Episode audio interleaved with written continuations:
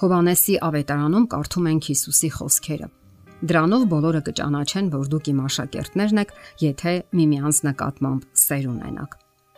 Շատերն են ցանկանում փոխել աշխարհը, Միլիոնավոր միջոցներ են առաջարկվել, թե ինչպես կարելի է փոխել երկրի աշխարհակարգը եւ մեր մոլորակի իրավիճակը, որը շատերի կարծիքով նույնիսկ ճգնաժամային է։ Սակայն ժամանակը ցույց տվեց, որ այդ միջոցներից ոչ մեկը գործուն չէ եւ հազիվ թե կարելի է որևէ դրական փոփոխություն ակնկալել։ Այո, Սակայն ահա այդ միջոցներից մեկը վերափոխում է աշխարհը։ Որքան էլ փորձեն քիչ խոսել նրա մասին դա քրիստոնեությունն է։ Շատերը լուրջ չեն ընդունում քրիստոնեությունը, մտածելով, որ նա ժամանակավրեպ է կամ հնացած։ Նույնիսկ համարում են, որ այն թույլ մարդկանց կրոն է սակայն ճշմարիտ քրիստոնեությունը մեծ ազդեցություն է գործում տնտեսության վրա։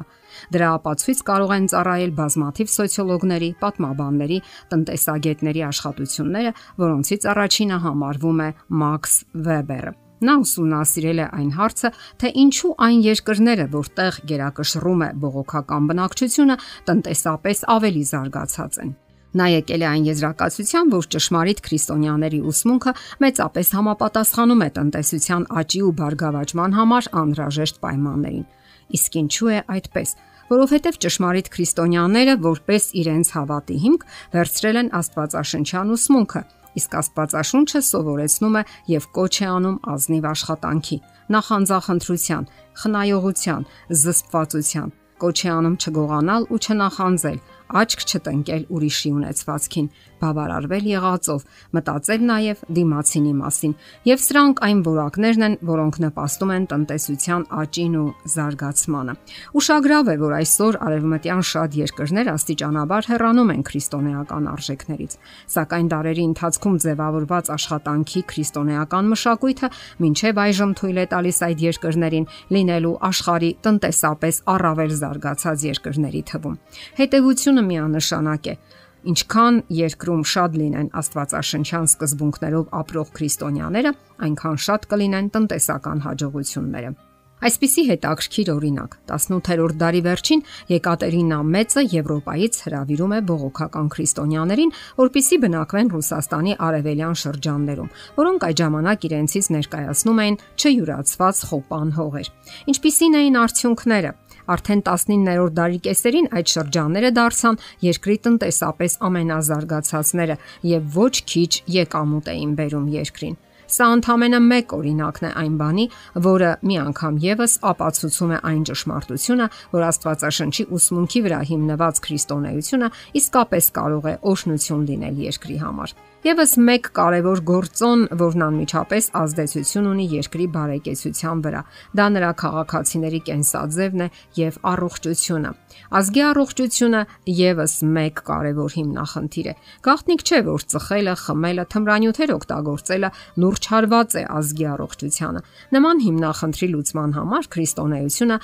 հիրավի առանցքային դեր է խաղում իսկ Աստվածաշունչը արգելում է այդ օրինակ վտանգավոր կործանարար սովորությունները։ Քրիստոնյաները կոչված են ապրելու առողջ սկզբունքներով, հետևելու առողջ սննդակարգի, զբաղվելու երանդուն աշխատանքով, ունենալու առողջ մարմին, Իսկ այս ամենը նպաստում է մարդու առողջության ամրապնդմանն ու պահպանմանը։ Գաղտնիք չէ, որ այսօր ծխում է ազգաբնակչության մեծ մասը։ Ծխախոտը դարձել է եկամտաբեր բիզնեսներից մեկը։ Ալկոհոլը նույնպես։ Այն պարզապես քայքայում է ազգաբնակչության առողջությունը։ Իսկ ահա քրիստոնեական արժեքներին հետևելու դեպքում նման հիմնախնդիր նույնիսկ գոյություն չի ունենա։ Եվ արդյոք այդպիսի կենսաձևը չի նպաստի հասարակության բարգավաճմանը անկասկած այո։ Եվ այսպես, անկասկած է, որ Աստվածաշնչի վրա հիմնված քրիստոնեությունը հնարավոր չէ, որ դրական ազդեցություն չգործի հասարակության հասարակական կյանքի վրա։ Ահա թե ինչպիսի քաղաքականության պետք է եւ կարող են հետևել քրիստոնյաները։ Նրանք պետք է լինեն երկրի աղն ու լույսը, նրանք պետք է դրական ազդեցություն գործեն իրենց ընտանիքների վրա, հարևանների, հարազատների եւ պարզապես մերձավորների վրա։ Նրանք պետք է ծառայեն մարդկանց իրենց բարի գործերով, լինեն դրական օրինակ բոլոր ոլորտներում։ Պետք է վարեն առողջ կենսաձև եւ դա քարոզեն շրջապատում։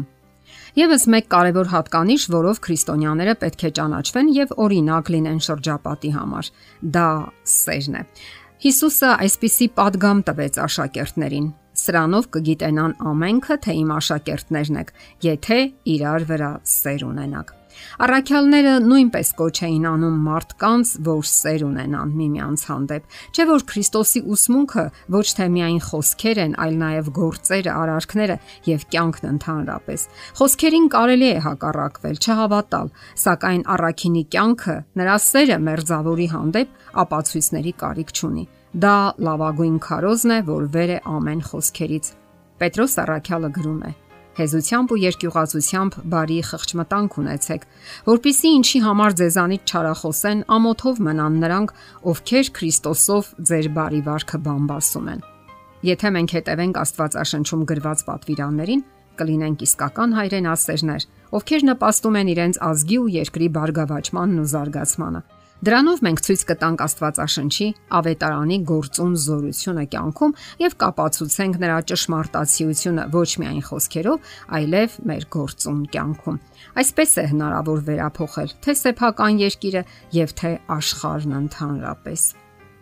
Եթերում է ղողանջ հավերժության հաղորդաշարը։ Ձեզ հետ է Գեղեցիկ Մարտիրոսյանը։ Հարցերի եւ առաջարկությունների համար զանգահարել 033 87 87 87 հեռախոսահամարով։